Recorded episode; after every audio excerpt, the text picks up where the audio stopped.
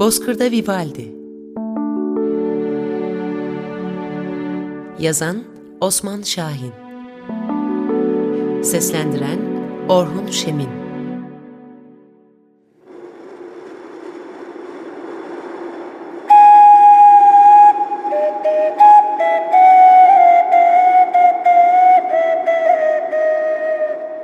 Hep bir yapayalnızlık, hep bir ince üzgünlük duygusu taşırdı yüzü. Bedeni doğuştan değil de sonradan emek çekile çekile işlenmiş, son biçimini almış gibi uyumluydu, ince dokunmuştu. Şakakları çıkkın, saçları siyah, gürdü. Bulgur tenli yüzünde çizgileri ince, gizemli, erkeksi, bir tuhaftı. Ağzı sapı büyük bir ustalıkla oyulmuş, işlenmiş ince çömlekler örneği. Her gün aramızda olmasına karşın, hiç aramızda olmayan, o anı da yaşamayan, kendini biz öğrencilerinden sürekli kaçıran, uzak tutan biriydi o. Bulunduğu ortamlardan hoşnut değilmiş gibi. Hakkı olmayan bir yerde görevlendirilmiş ya da bir takım istekleri vardı da yerine getirilmemiş gibiydi hep. Bir yalnızlık duygusuyla örülmüştü.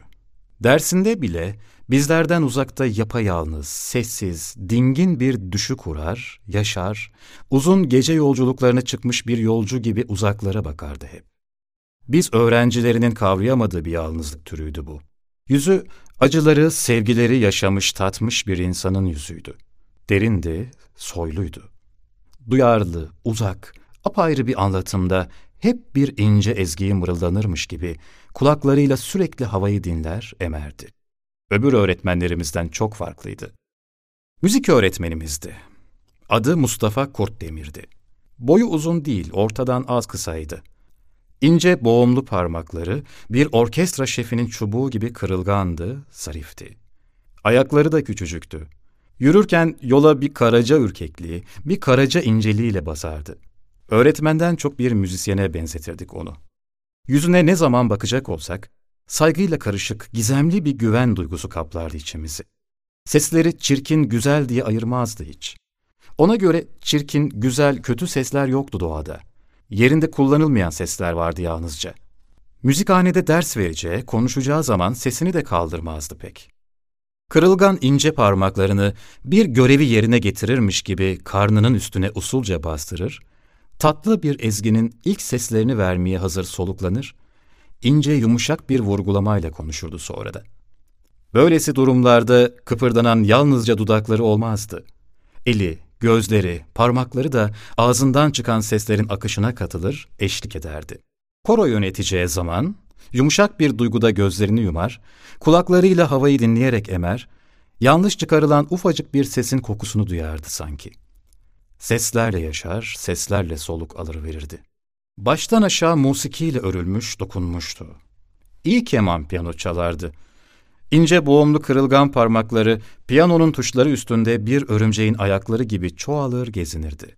Kemanının telleri üstünde parmakları küçücük sıçramalar yapar, arılar örneği kanatlanır, titreşirken ufacık dokunuşlarla tellerin üstünü oyardı sanki. Büyülü bir havadaymışçasına, yüzünü de hafifçe kemanına dayar, gözlerini yoğun bir duyguda yumarak tanımadığımız, bilmediğimiz uzaklıkları yaşardı. Ya bizim anlayamadığımız türden bir derdi vardı ya da sırılsıklam aşıktı. Kemanını çalarken yüzü o denli değişirdi ki, o an o çaldığı sesler aracılığıyla bir başkasıyla buluşup beraber oluşunun anlatılmaz bir garip bileşimi vururdu yüzüne.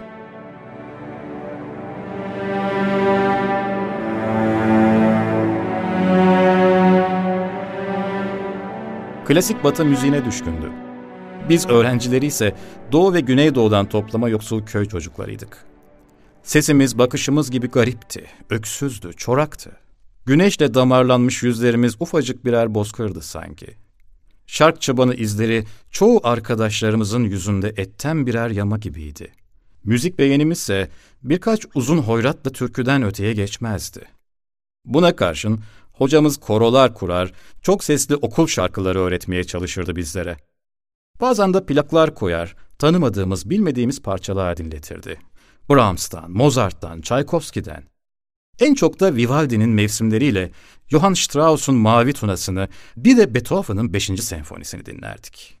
Mavi Tuna'yı dinlerken kendini müziğin ritmine iyice kaptıran hocamız, ''İyi kulak verin, saksan seslerini duyuyor musunuz?'' diye sorarak bizleri müziğin havasına katmaya çalışırdı. Beşinci senfoninin bitiminde de orkestra sazlarının tümünün müziğe katılışını vurgularken coşkuya kapılır, ''Dinleyin, bakın sazlar müziği orada bırakmak istemiyorlar, ayağa kalkıyorlar sanki.'' diyerek müziğin gizemli havasına sokmaya çalışırdı bizleri. Yüzümüzde müziği anladığımıza dair en ufak bir titreşim göremeyince de üzülür. Biliyorum şimdi bu tür müziklerden hoşlanmıyorsunuz ama ileride seveceksiniz bundan eminim derdi. Okulumuza atanalı birkaç ay geçmiş olmasına karşın hocamızın geçmişi, kişiliği hakkında en ufak bir ayrıntıyı bile öğrenebilmiş değildik. Yatılı okul koşulları içinde, nöbette, derslikte, yemekhanede, törende çoğu öğretmenlerimiz bizlerle oturur, kaynaşır, top oynarlarken müzik hocamız aramıza karışmaz, dersinin dışında ortalıkta görünmezdi pek. Tek odalı bekar öğretmen evine çekilir, bütün gün kemanıyla birlikte olur, konçertolar çalar, müzikle, notayla doyar ısınırdı sanki. Ara sıra tek başına bozkırda yürüyüşe çıktı. Okulumuza birkaç dakika uzaklıktaki ıssız Ergani tren istasyonuna gidip geldi. O arada da uzun uzun gelip geçen trenlere baktığı olurdu. O trenlerden biriyle çekip gideceği günlerin düşünü kurardı belki de. İnce beyaz, düz çizgili siyah kumaştan bir takım elbise giyer, kravat takmazdı hiç. Ceketinin yaka cebinde de hep bir mendil taşırdı. O mendil öyle el yüz silmede kullanılan sıradan bir mendil değildi. Hocamızın gizemli kişiliğiyle bütünleşip özetleşen, saf ipekten tiril tiril kıpkırmızı bir mendildi. O mendilin özel bir anlamı, uğru olmalıydı ki yaka cebinden çıkarmazdı hiç. Asla o mendilsiz dolaşmaz, dersine de girmezdi. O mendilin yeri ya ceketinin yaka cebi olurdu ya da kemanıyla çenesinin arası. Kırmızı mendilinin bir köşesine sarı ipekten ibrişimle kendi adıyla soyadının baş harfleri özenle işlenmiş, nakışlanmıştı. O saf ipekten kırmızı mendili okulumuzda bilmeyen, tanımayan tek bir öğrenci yoktu. Bizler için büyülü, dokunulmaz, küçücük bir efsaneydi o. Biz öğrenciler kendi aramızda o mendil için neler uydurup söylemezdik ki? Bir söylentiye göre hocamızın sevdiği bir kadın vardı. Hocamız aşıktı kara sevdaya yakalanmıştı. O mendili de hocamıza sevdiği kadın vermişti zaten. Kemanıyla çenesi arasında o mendili salt bu nedenle koyuyor, çaldığı sesler aracılığıyla sevgilisiyle buluşuyor, beraber oluyordu. Hocamızın aramızdaki takma adı Dertli Mustafa'ydı bu yüzden. Ha bir söylentiye göre de hocamız solcuydu. Mendilinin rengi de bir savaşımı simgeliyordu. Bir başka söylentiye göre de o mendilin aslı beyazdı. Hocamız kara sevda çektiği için onmaz bir ince hastalığa, vereme yakalanmıştı yani. Zayıf, çelimsiz oluşu da bunu kanıtlamıyor muydu? Öğrenmesi, çalması zor bir çalgıydı keman zaten. Dertsiz insanı hazır dertli yapan bir çalgıydı. Hocamız da kemanını elinden hiç düşürmediğine, sabahlara dek keman çalıştığına bakılırsa fazla dert çekiyor, ağzından burnundan kanlar boşanıp akıyordu. Beyaz mendiliyle de boşanan kanlarını siliyor, Böylece mendili kıpkırmızı kanı kesiyordu.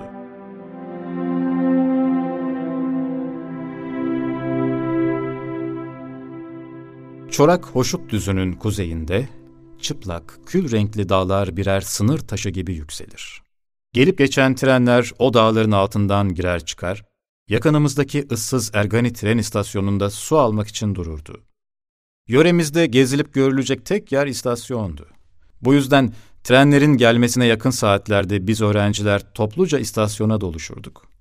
Tren boyunca bölük bölük gezinir, o arada kimseyi tedirgin etmeden kimi bayan yolculara iç çekerek bakardık. İstasyonun değişmez izleyicileri yalnızca biz öğrenciler olmazdık. Zülküf babayla kızı vardı bir de. Zülküf baba kör bir dilenciydi. İyi kaval çalardı. Tren boylarını kavalıyla türküleyen biriydi. İri yarı olmasına karşın bir adım önünü göremezdi. Çok da yaşlıydı. Üstüne bastığı toprakların belki de en kocamış kişisiydi. İri yarı, uzun yüksek yüzlü, gür destan sakallıydı. Alnında, yüzünde derin oyulmuş çizgileri, geniş kabuklu yumuk gözleri, kıllı iri kulaklarıyla çay önündeki asur kabartmalarının içinden çıkmış gelmiş gibiydi. Dizlerine değin sarkan, asıl renginin de ne olduğu belirsizleşmiş kalın abası, yün ve kıl karışımı yamalarla ağırlaşmış şalvarı, sıvaları dökülmüş, akmış eski sur taşlarından farksızdı. Delik deşikti. O giysilerin hangi tür iğne iplikle dikildiğini bile anlamak hayli zordu. Kızını dizinin dibinden ayırmazdı hiç. Görmeyen gözlerinin yerine koymuştu onu. Ufacık, kara kuru kızcağızın kirden, bakımsızlıktan birbirine karışmış, keçeleşmiş saçları mavi nazar boncuklarıyla kaplıydı. Zeytin karası gözleri yağlı, ışıltılı, ürkekti. Utangaç, ezik gözlerle bakardı yolculara hep. Bir eliyle babasının kuşağından tutup çeker, tren boyunca götürürken öbür eliyle de kararmış bakırdan ufacık dilenci tasını tren pencerelerine doğru kaldırır, yolcuların atacağı paraları beklerdi. Babası uzun kamıştan kavalıyla coşkulu yanık havalar çalmaya başlardı o ara. Ergani tren istasyonunun yaz kış değişmeyen tek simgesiydi Zülküf Baba. İstasyona bir tren uğrasın da Zülküf Baba'nın kavalının sesini duymadan geçsin gitsin. Olanaksızdı bu. Kavalına üfleyişi anlaşılmaz, büyülü, bir garipti. İnsanın ötelerine dokunan bir duygudaydı. Kavalının sesi yalnızlık kokar, gurbeti, acıyı, kederi çağrıştırırdı hep. Üflerken boynunu öksüz, dokunaklı bir duruşla sol yanına doğru yıkar, görmeyen gözlerini gören bir insanın duyarlığıyla yumar, üç dört karış uzunluğundaki sarı kamıştan kavalına üflediği soluğunu parmak uçlarının altındaki deliklerde eğiterek, soluğuna o deliklerden çıkışlar verdirip yer değiştirerek, içe işleyen, sonsuz, demlenmiş bir garip rüzgara dönüştürürdü soluğunu. Parmak uçlarıyla kavalının deliklerine değil de dinleyenin yüreğine dokunurdu sanki. Esen kuraklık rüzgarlarının sesiydi o. Ya da sudan zorla kesilip uzaklaştırılan, sonra da gevretilip kurutulan kamışların ağdıydı. Eski Sümer ülkesinde kral kızına tutkun olan yoksul Fırat salcısının öyküsüydü belki de. Kral kızına gönül düşüren Fırat salcısı bütün gün nehir üzerinde sal yüzdürerek eli kulağında uzun aşk ve hasret dolu hoyratlar söyler. Kralın kulağına gider bu. Hoşlanmaz bundan. Salcıyı yakalatarak uçsuz bucaksız Fırat bataklıklarının ortasına attırır. Fokur fokur kaynayan pis kokulu suların içinde her an ölümle cebelleşir salcı her türlü börtü böceğin, zehirli yılanın, sivrisineğin ortasında aylarca kurtulmayı dener kendi kendine. Yüreği de nasıl yangındır kral kızına. Gece gündüz onu düşünür, ona yanar sevdalanır. Giymiş tutkunun deli gömleğini bir kere. Çok acı, kahır, sevda çeker. Kendi sesini unutmamak için sesli düşünür, sesli söylenir günlerce.''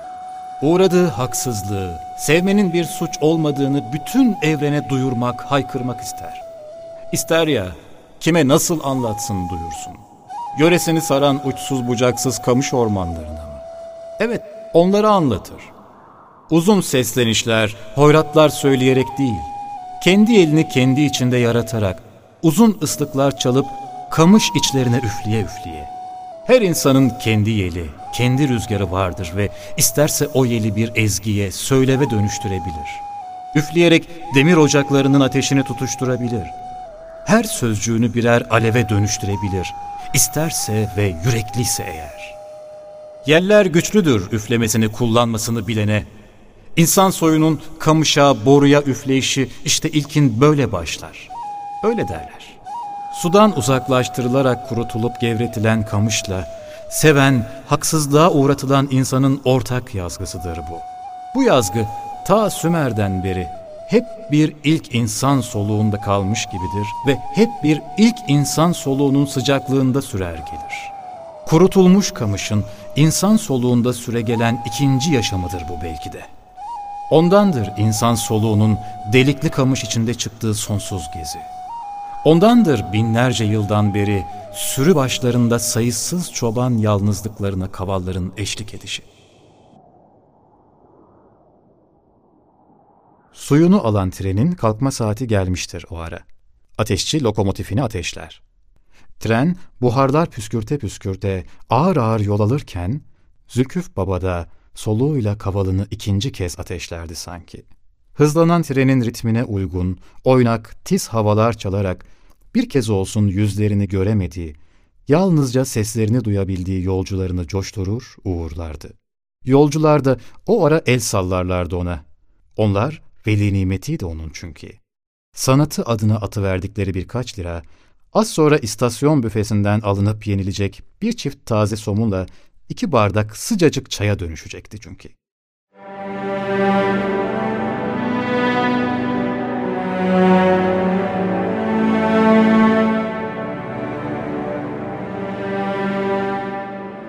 Öğretmen, öğrenci, hizmetliden oluşan 600'e yakın insan yemeklerimizi aynı yemekhanede oturur birlikte yerdik. Bir gün iştahla yenilen bir öğle yemeğinin sonuna doğru kimsenin dışarıya çıkmaması duyurusu yapıldı. Eklemeye başladık. Öğretmenler masasında bir hareketlenme oldu. Bütün başlar o yana döndü. Mustafa Kurtdemir hocamızın orada ayağa kalktığını, ince zarif adımlarla sahneye doğru yürüdüğünü gördük. Yalnız değildi ama. Zülküf Baba da vardı yanında. İri yarı, kaba saba görünümlü Zülküf Baba'yı elinden tutmuş ağır ağır sahneye çıkarmaya çalışıyordu. Bir an gözlerimize inanamadık, şaşırdık. Okulumuz kurulalı beri hiç kimsenin aklından geçmemişti Zülküf Baba'yı okula çağırıp da ağırlamak. Bunu o yanına yaklaşılmaz, bizlerle konuşmaz, hepimizi küçümser sandığımız hocamız yapıyordu hem de. Bozkır istasyonunun kör dilencisiyle el ele tutuşmuş karşımızdaydı işte. Belli etmesek de Zülküf Baba'yı asıl küçümseyen, onunla aynı yoksul kökenden gelmiş olmamıza karşın bizlerdik aslında. Bu gizli suçumuzun yüzümüze vurulmasından şaşırmış gibiydik. Birden hepimiz alkışlamaya başladık. Saygı dolu, dayanılmaz, müthiş bir alkıştı bu. Ne var ki hocamız bu tür kolay alkışlardan hoşlanmazdı. Büyük bir koroyu yönetiyormuş gibi işaret parmağını ağzına doğru götürüp de sus işareti verince alkışlarımız durdu. Susmak zorunda kaldık. Sahnenin mavi kadifeden perdesinin ortasına sarı sicimlerle DKE, Dicle Köy Enstitüsü harfleri işlenmişti. Zülküf Baba ile hocamız o harflerin altında yan yana durarak bizleri selamladılar. Biri inceliğin, zarifliğin simgesiydi. Öbürü ise Güneydoğu'nun kavurucu sıcaklarına karşı durabilmek için sularını içinde taşıyan dev kaktüsler gibi iri yarıydı. Bu iki insanı değil karşımızda el ele tutuşmuş yan yana görmeyi, bunun düşüncesini bile aklımızdan geçiremezdik. Hocamız ağır ağır öne çıktı. Bir görevi yerine getirirmiş gibi ellerini karnının üstüne usulca bastırdı. Konuşacağı zaman hep öyle yapardı. Zülküf babayı tanıtmama gerek yok sanırım diye başladı söze. Onu istasyona her gidişimde görür, dinler, izlerim. Onun çalıp üflediği havaları hiçbir yerde duymadım. Onu anladığımı sanıyorum. Kimi insanlar görünüşüne, giysilerine, yaptığı işe bakarak kör bir dilenci sanabilirler onu. Burada dilenci sözcüğünü söylediğim için değerli konumuz beni bağışlasın. Aslında bana göre o, değerini yeterince bilemediğimiz seçkin bir halk sanatçısıdır. O bu toprakların Veyselidir. Trenler gelir, trenler gider ve her kültürde bir tren dolusu insanı kavalıyla türküleyip uğurlayan bir Veysel. Hocamız daha sözlerini bitirmeden dayanılmaz müthiş bir alkış daha koptu. Az sonra da isteriz, isteriz, Zülküf babadan isteriz diye bağıran tempolu büyük bir koroya dönüştü. Ta ki hocamızın işaret parmağı tekrar dudağına gidinceye dek. Zülküf baba konuğumuzdur. Bütün gün bizimle birlikte olacaktır. Dahası az önce birlikte yemek yedik. Yeterince soluk alıp veremez. Kavalına üfleyemez.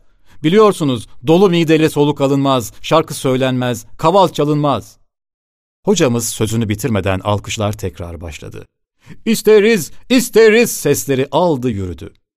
Hocamızın işaret parmağı bir iki kez daha dudağına gidip geldiyse de coşkulu kalabalığı susturmaya yetmedi.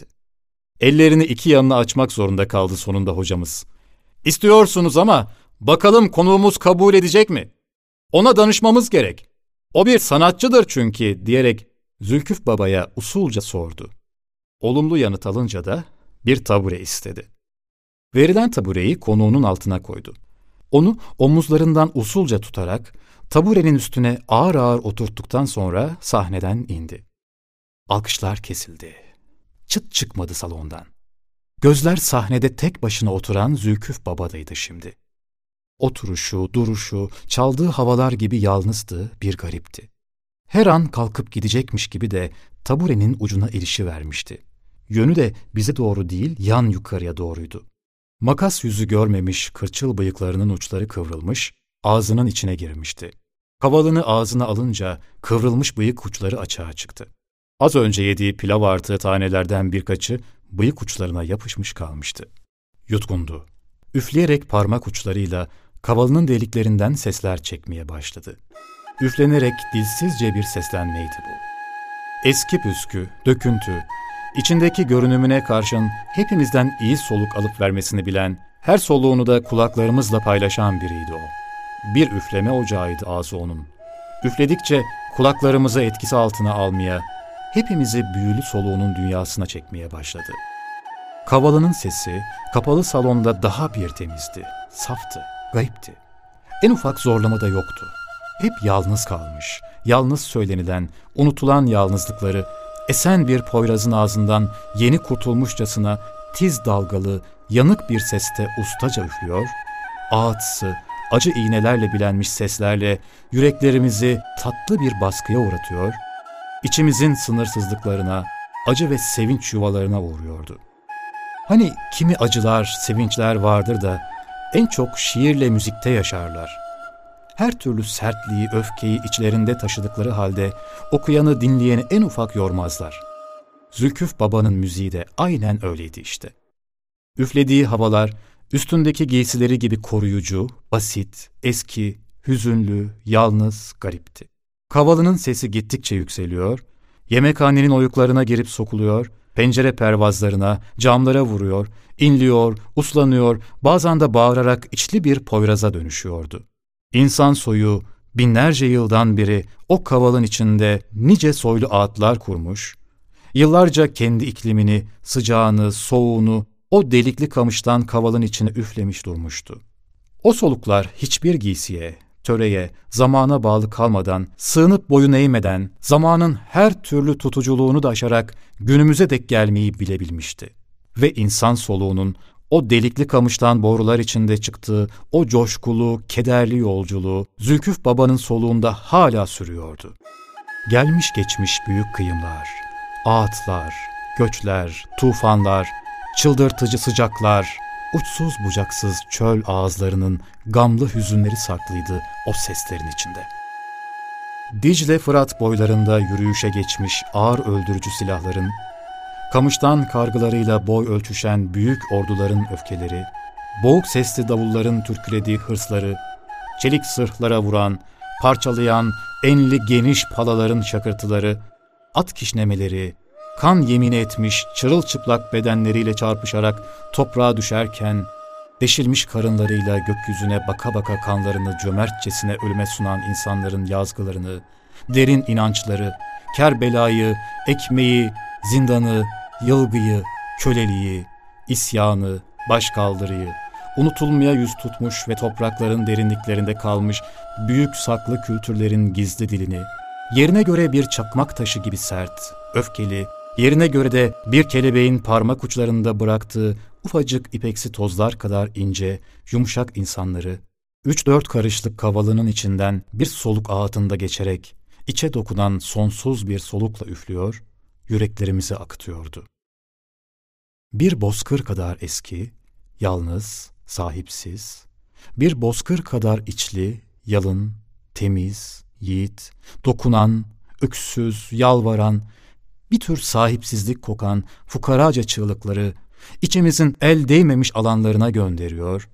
Oradan da tekrar ona, onun üfleyeceği solukların karıştığı havaya dönüşüyor, kulaklarımızı yakıyor, duygularımıza dokunuyor, anılarımızın üstünden kayıyor, toprağın derinliklerinden gelen hazin, köklü bir duyuşu güçlendiriyordu içimizde. Hiçbirimizde en ufak bir devinim, kıpırtı, ses yoktu. İstasyonda sayısız kez gördüğümüz, dinlediğimiz Zülküf Baba'yı ilk kez görüyor, dinliyor gibiydik. Yemekhanenin tavanında bütün gün bıcırdayan öten serçeler bile onca insanın sessizliğinden ürkmüşler gibi seslerini kesmişlerdi. Neden sonra Zülküf Baba'nın soluğu durdu, kavalı sustu. Dayanılmaz, saygın, büyük bir alkış koptu. Zülküf Baba ömründe ilk kez alkışlanıyordu belki de. Şaşkındı. Yan yukarıya tavana bakıyordu hala. Kırışıklıklarla dolu kıraç alnıyla yüzü terden sırılsıklamdı. Sahnenin ışığında parlıyordu. Alkışlar salonu inletirken hocamız yerinden kalktı, bir karaca inceliğiyle sahneye çıktı tekrar. İnce yüzü o denli mutlu ve güzeldi ki, saf ipekten tiril tiril kırmızı mendili yaka cebinden aldı, Zülküf babanın yüzünün ışıyan teriyle bıyık uçlarında sallanan pilav artığı taneleri usul usul siliverdi.